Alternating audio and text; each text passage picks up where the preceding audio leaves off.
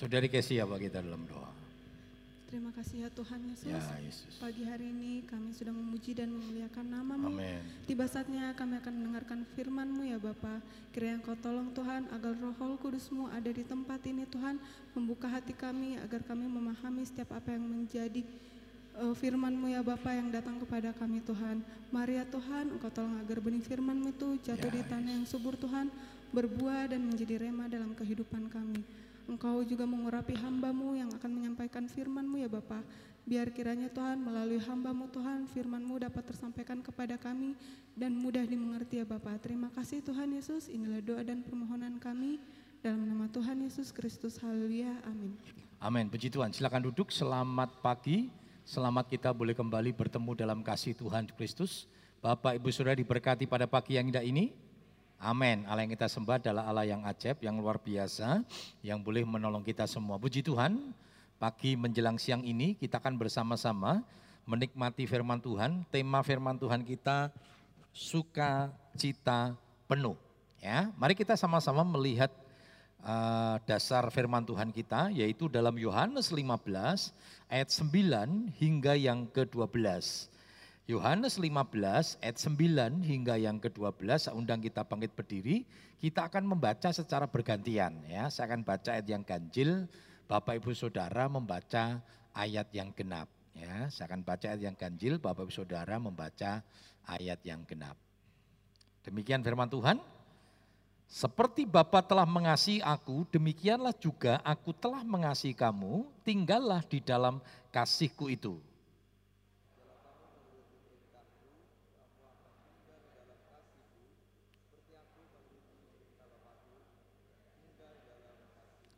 Semuanya itu kukatakan kepadamu supaya sukacitaku ada di dalam kamu dan sukacitamu menjadi penuh.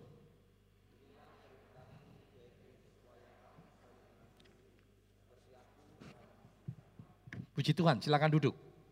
Bapak Ibu Saudara, kita akan bersama-sama melihat tentang sukacita penuh. Kita lihat dulu apa arti penuh, sukacita penuh itu di dalam bahasa Yunaninya, ya next. Di dalam bahasa Yunaninya disebut dengan plero, ya plero. Pengertiannya apa? Sempurna. Kasih yang sempurna. Kasih yang sempurna itu adalah kasih Yesus. Ah sorry, uh, kok kasih yang sempurna. Sukacita yang sempurna. Sukacita yang sempurna itu adalah sukacita Yesus. Tadi dikatakan ayat yang ke-11, aku akan memberikan sukacitaku. Dan sukacitaku itu penuh. Artinya Tuhan akan memberikan sukacitanya dan sukacitanya itu diberikan secara utuh. Secara sempurna, secara penuh. Lalu yang kedua arti dari plero itu artinya memenuhi. Ya, tadi dikatakan sukacitaku akan kuberikan kepadamu. Artinya ketika Tuhan memberikan itu penuh.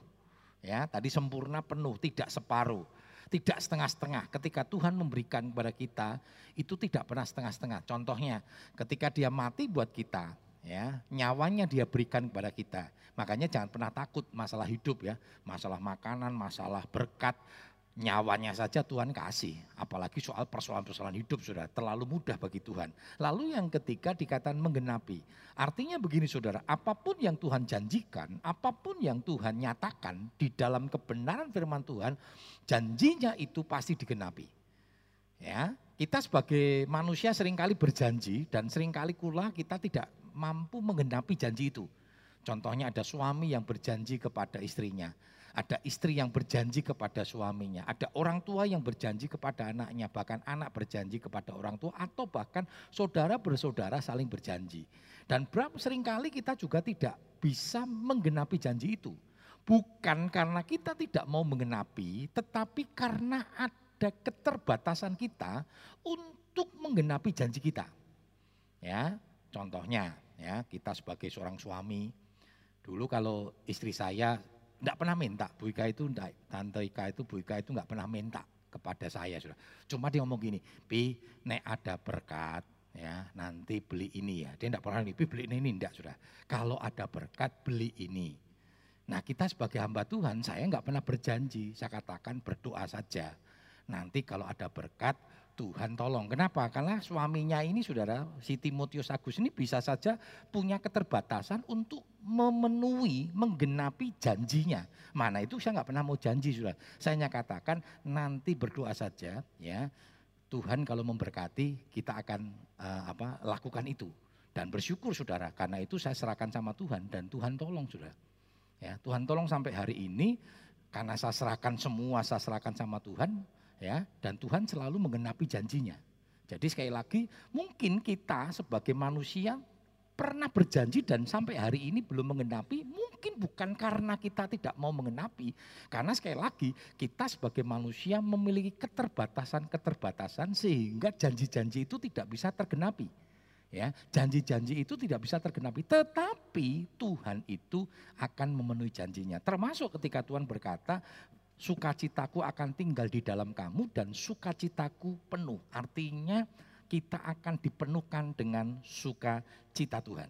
Nah, orang benar akan selalu memiliki sukacita penuh. Apa arti sukacita penuh? Sekali lagi, sukacita penuh itu sukacita yang tidak dipengaruhi oleh situasi. Sukacita yang tidak dipengaruhi oleh kondisi. Makanya kalau nikah itu kan janji nikahnya baik dalam suka maupun duka, baik dalam sakit maupun sehat, baik dalam kelimpahan maupun kekurangan. Ya, akan tetap mengasihi. Nah, artinya apa? Akan tetap mengasihi itu orang yang uh, punya janji seperti ini yang tidak kasih yang tidak tidak dibatasi oleh situasi dan kondisi, dia akan memiliki sukacita yang penuh. Ya, sekali lagi orang benar akan selalu memiliki sukacita penuh, artinya sukacita yang tidak dibatasi oleh situasi, tidak dibatasi oleh kondisi. Coba kita lihat sama-sama dalam Filipi 4 ayat 4 hingga yang ketujuh. Filipi 4 ayat yang keempat sampai 7, demikian firman Tuhan. Bersukacitalah senantiasa dalam Tuhan. Sekali lagi kukatakan bersukacitalah. Hendaklah kebaikan hatimu diketahui semua orang Tuhan sudah dekat. Janganlah hendaknya kamu khawatir tentang apa pun juga, tetapi nyatakanlah dalam segala hal keinginanmu kepada Allah dalam doa dan permohonan dengan ucapan syukur. Ayat ketujuh, damai sejahtera Allah yang melampaui segala akal akan memelihara hati dan pikiranmu dalam Kristus Yesus. Amin. Nah sering kali kita melihat ayat ini kan sering kali terpotong-potong. Contohnya Filipi 4 ayat 4 saja. Filipi 4 ayat yang ke-6, janganlah hendaknya kamu khawatir ya kan. Lalu Filipi 4 ayat yang ke-7 saja. Nah kalau kita melihat perikop ini sering kali Filipi 4 ayat yang keempat itu sering kali kita dengar ya. Disampaikan oleh Paulus bersukacitalah sekali lagi katakan bersukacitalah. Lalu kita memberikan komentar. Paulus menyampaikan ini kepada jemaat di Filipi dan kita tahu peristiwa uh, yang dialami oleh Paulus di kota Filipi.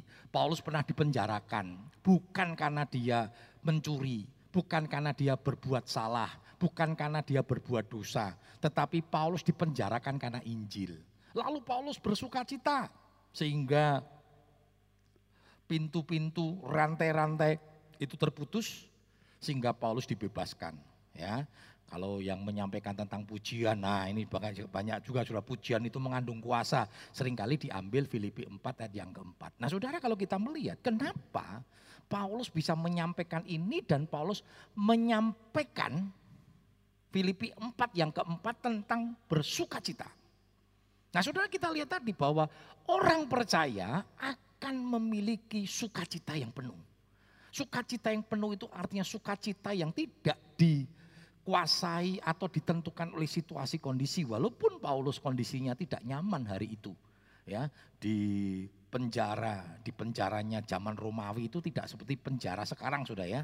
Beberapa tahun yang lalu kita melihat bagaimana penjara-penjara di Indonesia ini sudah ya ternyata luar biasa sudah ya. Penjara di Indonesia itu di dalamnya ada manikur pedikur bisa kukur-kukur sudah ya Kan sempat diliput itu beberapa tahun yang lalu. Bahkan di di satu ruangan bisa disewa sama orang kaya, bisa nggo karaokean, bisa nggo spa. Lu penjoro kok koyo ngungkuli ini saudara ya. Kita neng jobor atau sepa saudara ya. Orang di dalam penjara bisa sepa saudara. Nah penjara yang zaman dulu tidak seperti sekarang. Lembab tidak ada listrik, tidak ada lampu. Mau jenengi penjara kok dienak-enake sudah ya. Sekarang kan luar biasa hak asasi manusia di penjara sendiri begitu sedikit saja mangane ora penak, meng dikai tahu tok diprotes saudara. Hak asasi manusia. Ah, zaman dulu mau di penjara meh mati meh urep karepmu sudah ya. Nah ini yang dialami oleh Silas, Paulus dan Silas. Tetapi Paulus bisa bersuka, tetap bersuka cita. Kenapa saudara? Karena sukacita Tuhan memenuhi Paulus. Nah saudara kita bisa melihat di dalam ayat yang ketujuh. Damai sejahtera Allah yang melampaui akal akan memelihara hati dan pikiran. Ini adalah sukacita penuh saudara. Orang hidupnya percaya kepada Tuhan, hidupnya akan selalu dipelihara dengan damai sejahtera yang melampaui akal. Yang secara manusia mungkin kita berpikir, wah raiso ini. Ini harusnya stres, harusnya protes. Dan mungkin oleh dunia dianggap itu sesuatu yang wajar karena menghadapi satu peristiwa-peristiwa yang tidak mengenakan. Tetapi di dalam Tuhan, nah ini luar biasa sudah. Tadi pagi saya sudah saksikan sudah. Saya punya teman dulu, ya teman di kota Solo waktu kami masih masih pemuda, ya teman saya ini eh, apa namanya sudah berpacaran bahkan sudah bertunangan dan rencananya enam bulan ke depan mau menikah. Mereka sedang mempersiapkan, tetapi di tengah mempersiapkan uh, sang calon mempelai wanita itu mengalami sakit saudara. Waktu dicekkan ke dokter, dicek dengan laboratorian, lalu ditemukan ternyata dia terkena kanker tumor kandungan, ya kanker kandungan. Nah singkat cerita dokter katakan ini solusinya adalah diangkat kandungannya. Lalu dia mulai bertanya kepada calon suaminya, Mas gimana mas? Ini aku kena kanker kanker kandungan dan dokter solusinya kandungan itu harus diangkat. Menurut mas gimana?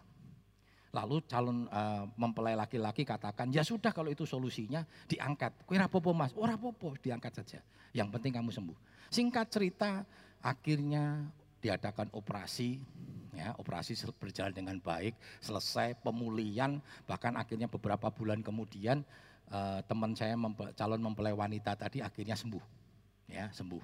Setelah sembuh, mempelai wanita katakan begini, Mas, yuk Kemarin kita mau merencanakan perkawinan tertunda gara-gara saya sakit.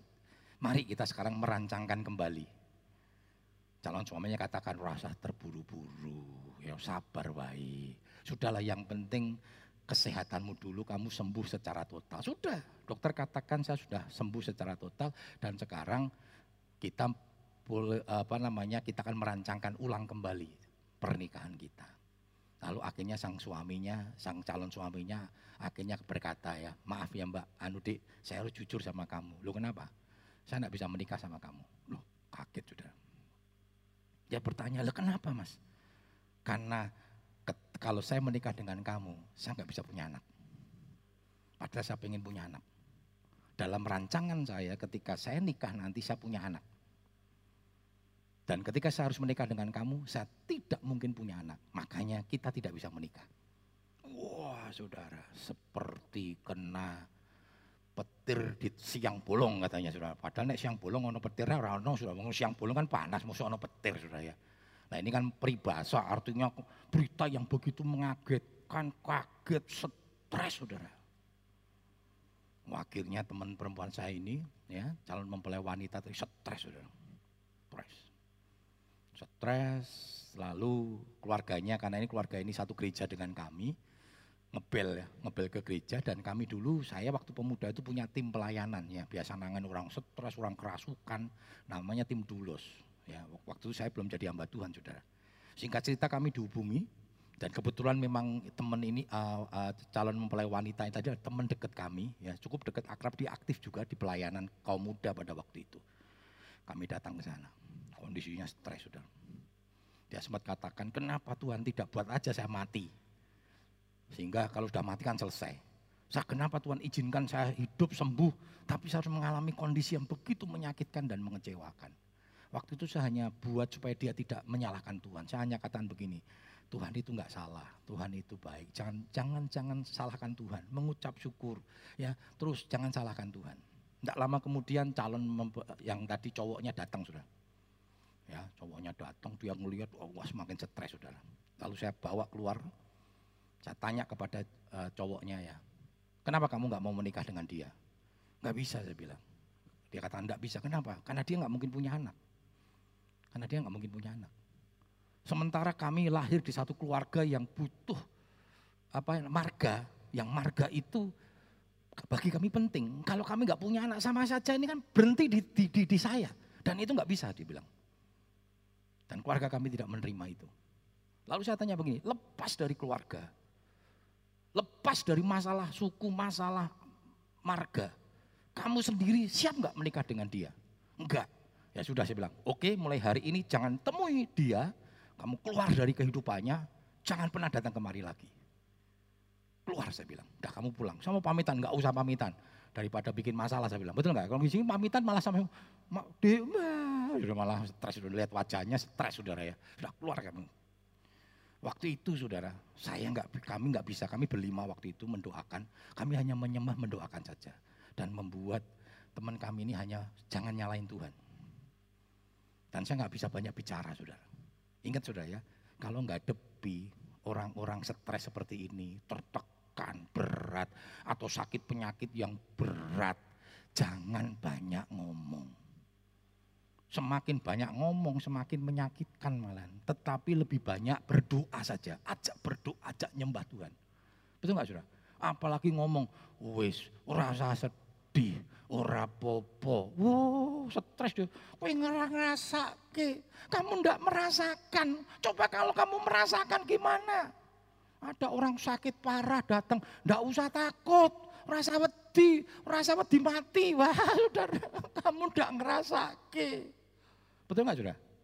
Saya pernah mengalami ada teman yang sakit gagal ginjal sudah. Ya, saya dengan kondisi yang cukup parah pada waktu itu, saya nggak berani datang sendiri, sudah. Saya ajak teman saya yang pada waktu itu juga gagal ginjal dalam proses cuci darah. Tapi dia tough, saudara. Saya punya teman sampai hari ini dokter, sudah di kota Solo. Berarti sudah mungkin 13 atau 15 tahun. Cuci darah, sudah masih hidup. Luar biasa, sudah. Kenapa? Dia suka cita, sudah. Dia suka cita. Nah, saya ajak teman saya yang cuci darah sudah. Waktu saya suruh ngomong sama dia. Wah teman saya yang kena cuci darah itu lebih lama. Dia baru dua tahun, teman saya sudah 8 tahun waktu itu. Dia ngomong, jak ngomong, ya, rasa wedi, enggak usah takut. Dia ngomong, iyo kamu ngomong enggak takut, kamu enggak ngerasa no. Wah dia ngomong gini, saya juga cuci darah, saya juga kena sakit gagal ginjal, saya sudah 8 tahun. Blangkemen sudah meneng, oh iya coba nih ngomong saya. Kamu enggak usah takut. Kok orang ngerasa ke? Oh iya betul orang ngerasa ke sudah ya. Jadi kadang Tuhan pakai, saya bilang sama teman saya, sempat ah, teman saya ini juga stres sudah awal-awalnya. Di bulan-bulan pertama stres, baru kenal Tuhan sudah, baru kenal Tuhan dibaptis, kena gagal ginjal, dia sempat stres sudah. Lalu dalam perjalanan waktu akhirnya kami hanya berkata Tuhan memang izinkan supaya apa? Supaya kamu banyak memenangkan jiwa. Melalui sakit penyakitmu. Dan betul sudah banyak orang dimenangkan. Dan hidup di tangan Tuhan, betul nggak sudah? Dia bisa bertahan, memang akhirnya meninggal sudah. Dia bertahan kurang lebih 12 tahun. Luar biasa, itu pasien terlama pada waktu itu. Kalau teman saya sekarang ini lebih lama lagi, 12 tahun. Di RSU Muwardi kan, kadang sesama cuci darah kenal sudah ya, dua 12 tahun. Selama rentang 12 tahun, saya punya banyak teman yang meninggal saudara. Goro-goro apa DB, kesu apa kelupaan saudara ya. Maksudnya dia kan berobat nggak mau ya. Sabtu-sabtu berobat dokternya libur semua baru Senin ditangani meninggal ada juga yang kena apa sudah. Pokoknya dalam rentang 12 tahun itu ada banyak teman-teman yang meninggal cepat sekali di luar dugaan. Makanya yang namanya hidup ada di tangan Tuhan. Amin. Ojo weti mati. Nah, sekarang saya berani ngomong sudah ya. Tapi ini pas berhadapan sama orang yang sakit, ya waduh sudah ya. Tapi jangan takut mati karena mati urusan Tuhan. Amin. Nah saudara, kami waktu itu berdoa saja. Yang saya doakan, saya waktu itu ngomong begini saudara. Tuhan, kata-kata saya terbatas saya nggak punya hikmat untuk menghibur teman saya ini. Saya nggak punya hikmat. Tetapi saya terlalu yakin roh kudus mampu menghibur teman saya ini. Kami doa nggak lama saudara. Ojo kondisi ini doa ini kesuwan sudah rong jam penyembahan. Wah, dan selesai saya pulang. Saya ngomong sama teman-teman saya yang perempuan sudah. Eh tolong ya besok dicek kembali. Karena saya berpikir begini ini pasti stresnya tuh berkepanjangan, betul nggak sudah? Sakit itu. Saya berpikir ini akan stres cukup panjang, minimal sebulan, dua, tiga bulan saya bilang. Dampingi terus, dampingi saya bilang. Jangan sampai dia melakukan sesuatu yang salah. Saudara, singkat cerita, ya besok paginya malam waktu itu kami pulang, besok paginya kami ada latihan, latihan seperti paduan suara begitu paduan suara kecil ya. Jadi kami ada paduan suara besar, ini paduan suara kecil. Lalu teman saya yang sakit tadi itu yang mau uh, yang calon mempelai wanitanya ikut juga saudara. Ya, nah kami berpikir dia tidak mungkin datang lah kondisi begini ya. Lalu saya ngomong dengan beberapa teman-teman yang kemarin tengok, nanti habis latihan kita ke sana, kita tengok, ya kita kuatkan kembali.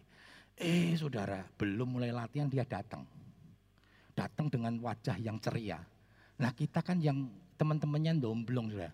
Wedi niki ceria tenan apa stres?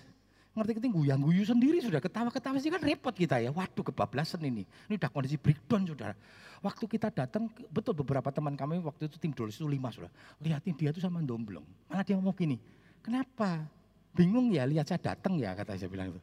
Terus saya sempat ngomong gini, kamu nggak apa-apa toh? Kamu nggak apa-apa toh? Kue rasa stres tuh saya bilang gitu.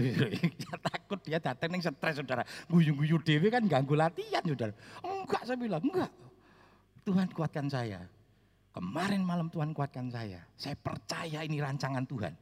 Ya, setia sempat protes begini saudara. Kenapa? Kurang enam bulan.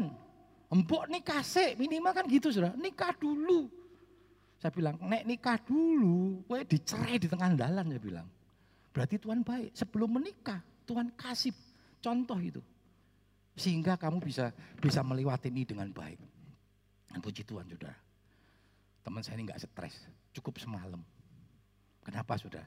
Karena damai sejahtera Allah itu mampu memelihara hati dan pikiranmu. Amin.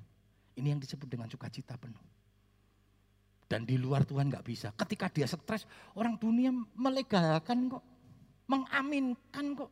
Ya stres malum lah. Sopo sing ora stres, ditinggal mau menikah dalam waktu yang begitu pendek. Siapa yang bisa menyalahkan, betul nggak sudah? Tapi sukacita Tuhan itu penuh sudah. Dan tidak berapa waktu berselang, dia ketemu sama orang Jerman, ya, yang datang ke Indonesia.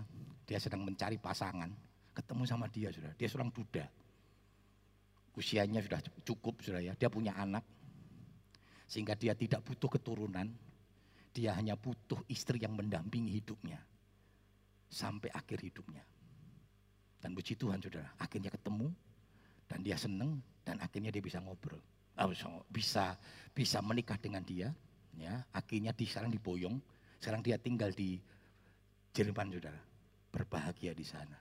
Rancangan Tuhan itu indah, amin sukacita Tuhan akan diberikan. Nah, saudara cuma kita bagaimana kita bisa memberi sukacita ini? Yang pertama, kita harus tinggal dalam kasih Kristus. Yohanes 15 ayat yang ke-9. Yohanes 15 ayat 9. Seperti Bapa telah mengasihi aku, demikianlah juga aku telah mengasihi kamu. Tinggallah di dalam kasihku itu. Perhatikan saudara, supaya sukacita kita penuh apa dikatakan kita harus tinggal di dalam Tuhan. Nanti kalau kita membaca Yohanes 15 ayat yang keempat, ketiga, keempat di atas dikatakan, jikalau firmanku tinggal di dalam kamu dan aku tinggal di dalammu. Itu artinya kita betul-betul dibungkus oleh Tuhan luar dan dalam. Kita ada dalam hadirat Tuhan, kita ada dalam kepenuhan Kristus. Apa yang dimaksud tinggal di dalam Kristus? Artinya hidup kita betul-betul ada dalam kepenuhan Kristus. Artinya ketika kita melangkah, ketika kita bertindak, kita bertindak bukan untuk diri kita sendiri lagi. Tetapi nama Tuhan. Nama Tuhan. Ketika engkau bekerja, engkau bekerja. Nama Kristus yang akan kelihatan dalam setiap kehidupan kamu.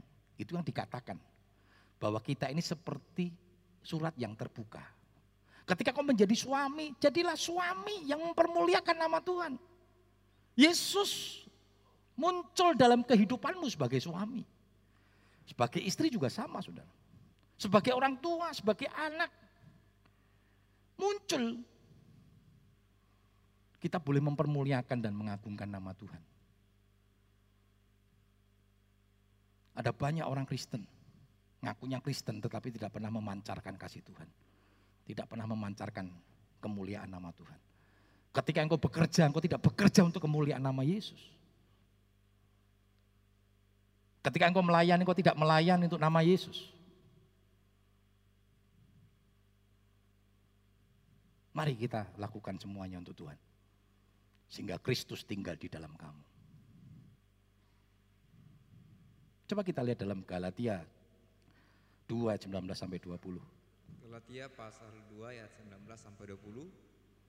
Sebab aku telah mati oleh hukum Taurat untuk hukum Taurat, supaya aku hidup untuk Allah.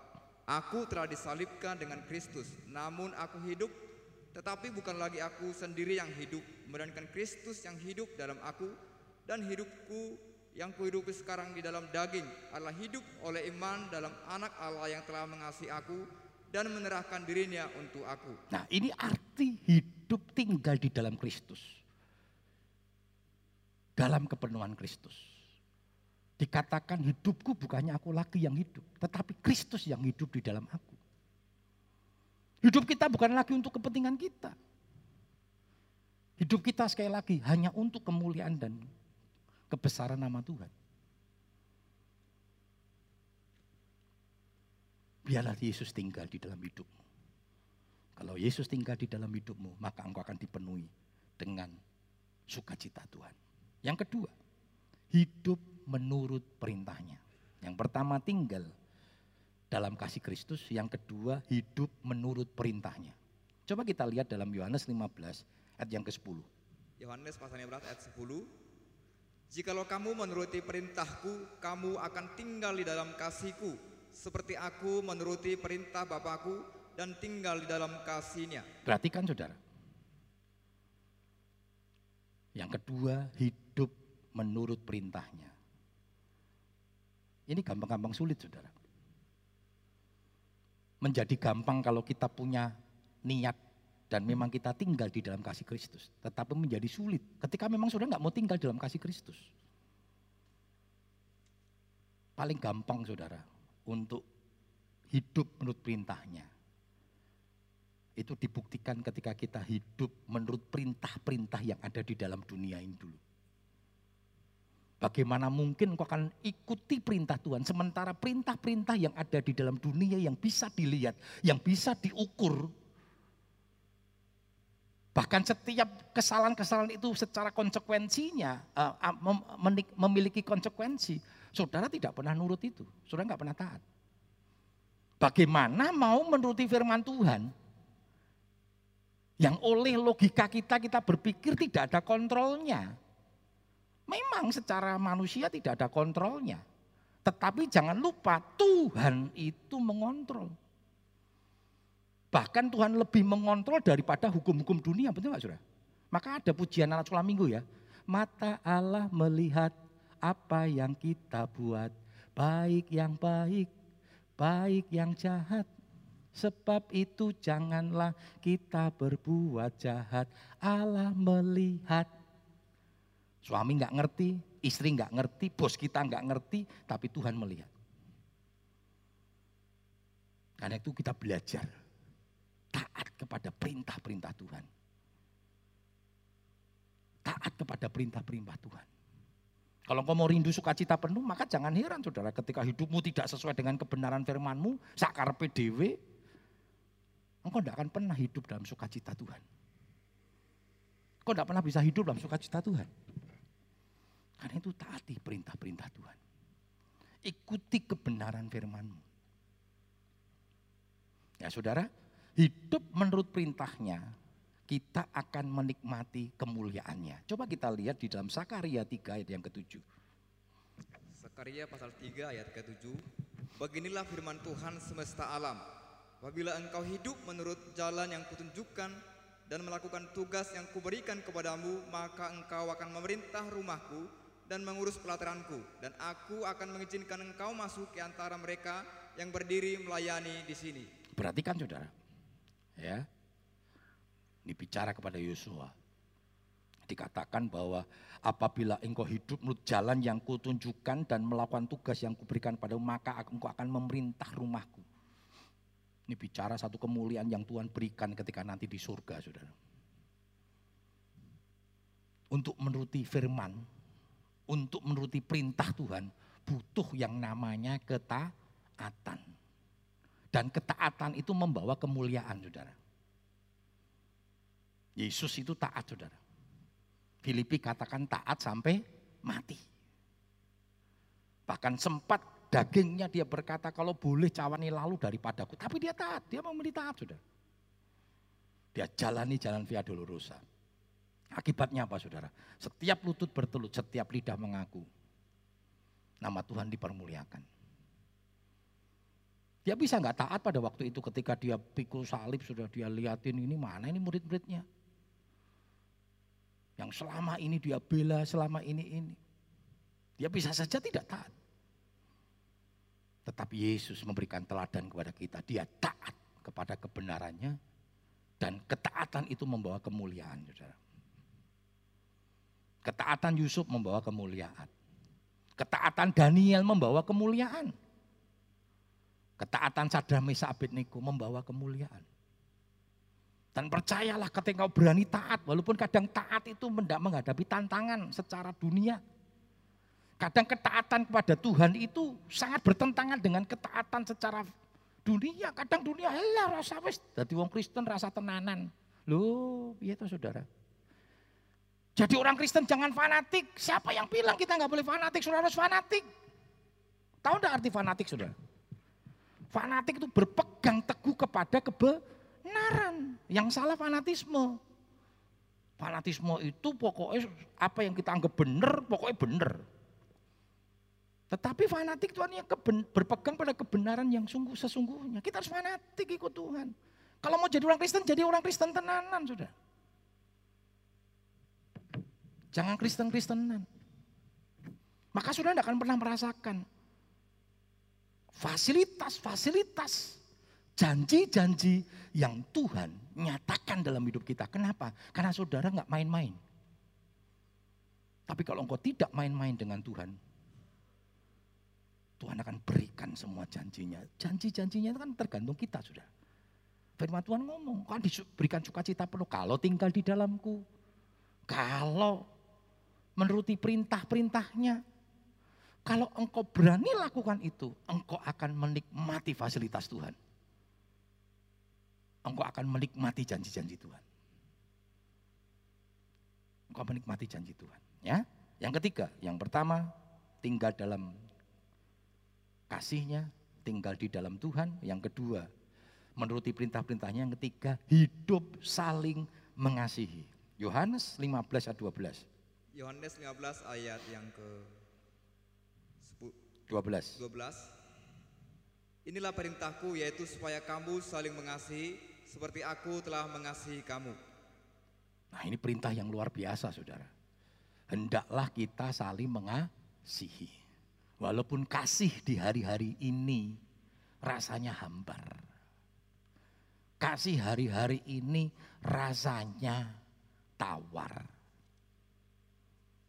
Coba kita lihat dulu di dalam Matius 24 ayat 12 hingga 13 ya. Di akhir zaman dunia akan kehilangan kasih.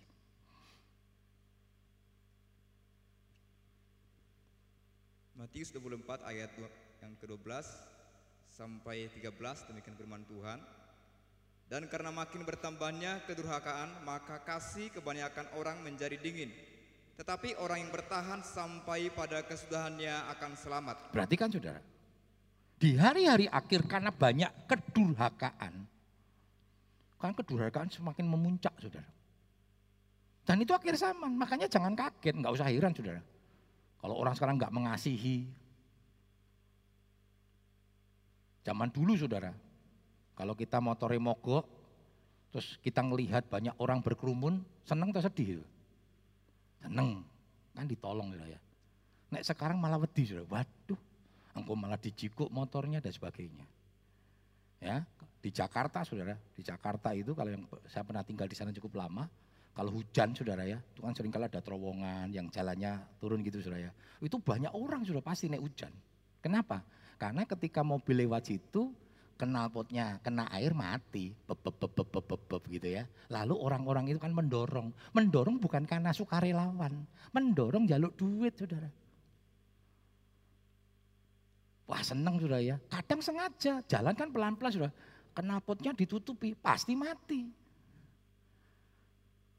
Luar biasa saudara.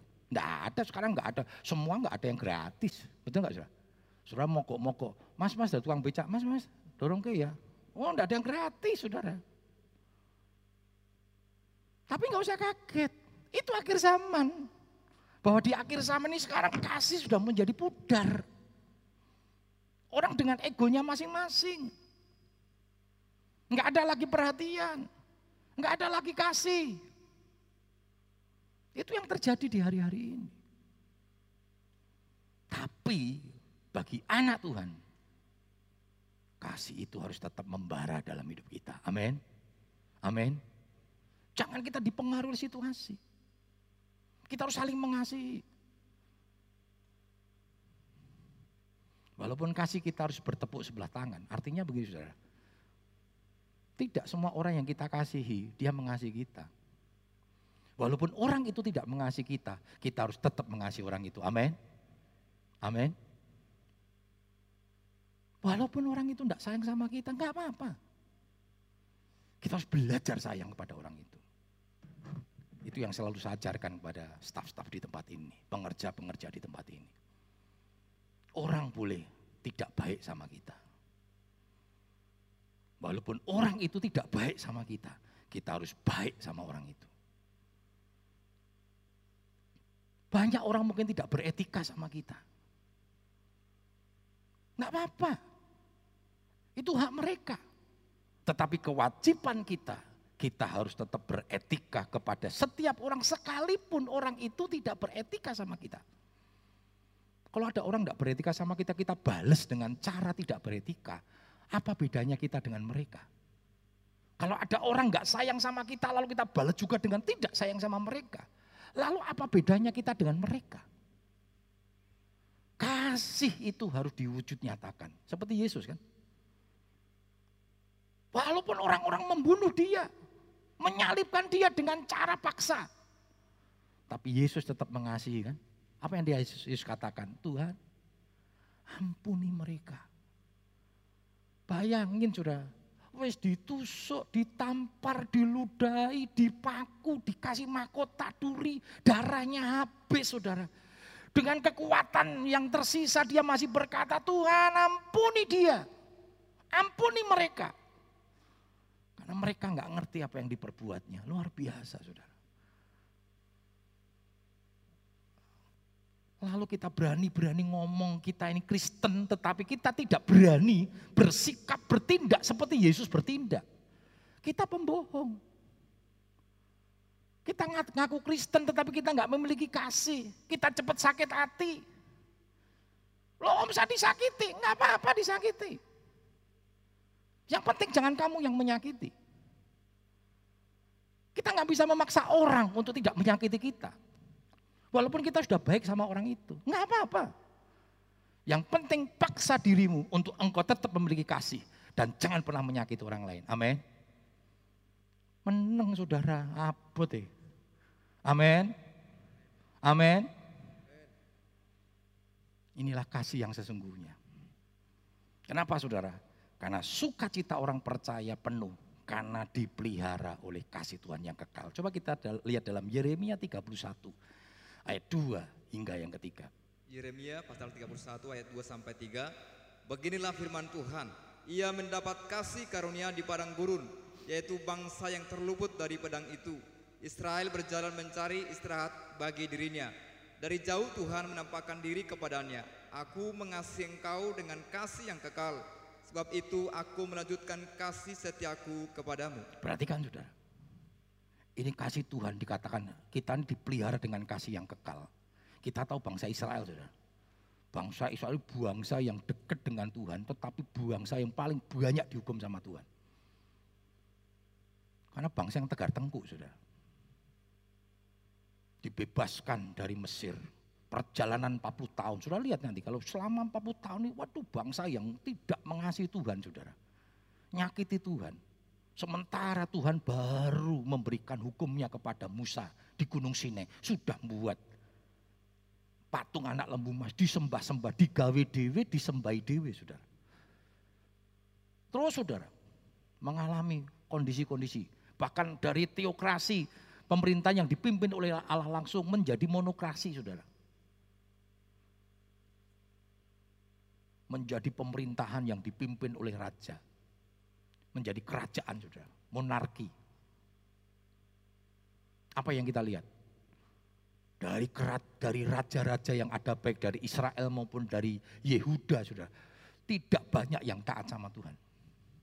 Bahkan karena ketidaktaatannya kepada Tuhan, karena tidak mengasihi Tuhan, mereka tinggalkan Tuhan. Akhirnya Tuhan menyerahkan bangsa Asyur untuk menjajah bangsa kerajaan Israel yang sepuluh suku sudah.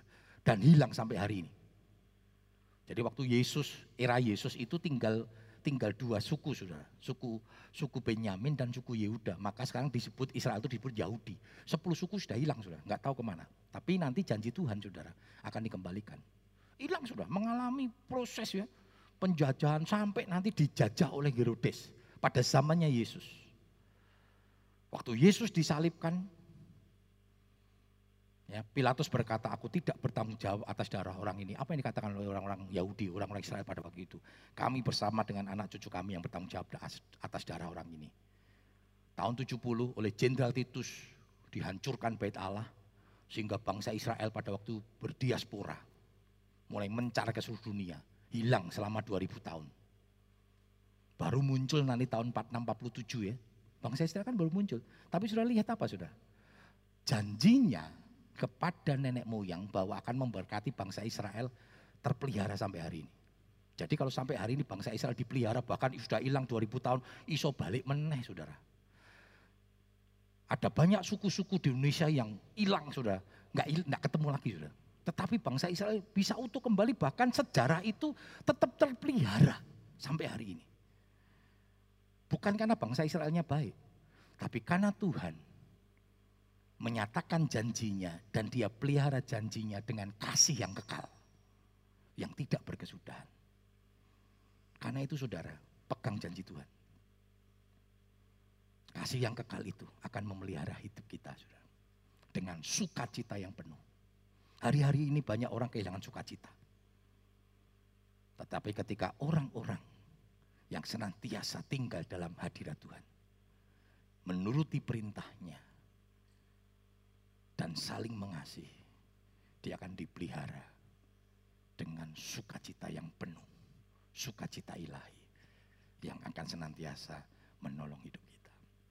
Puji Tuhan, sebentar kita akan bersama-sama menikmati tubuh dan darahnya dalam perjamuan yang kudus. Biarlah perjamuan yang kudus ini akan menyempurnakan sukacita kita. Di tengah kondisi apa pun hari-hari ini yang engkau sedang alami, tenang, selama engkau tinggal dalam hadirat Tuhan. Ada sukacita yang melimpah-limpah dalam hidup kita. Mari kita bangkit berdiri bersama-sama. Kita akan pujikan sukacitaku penuh.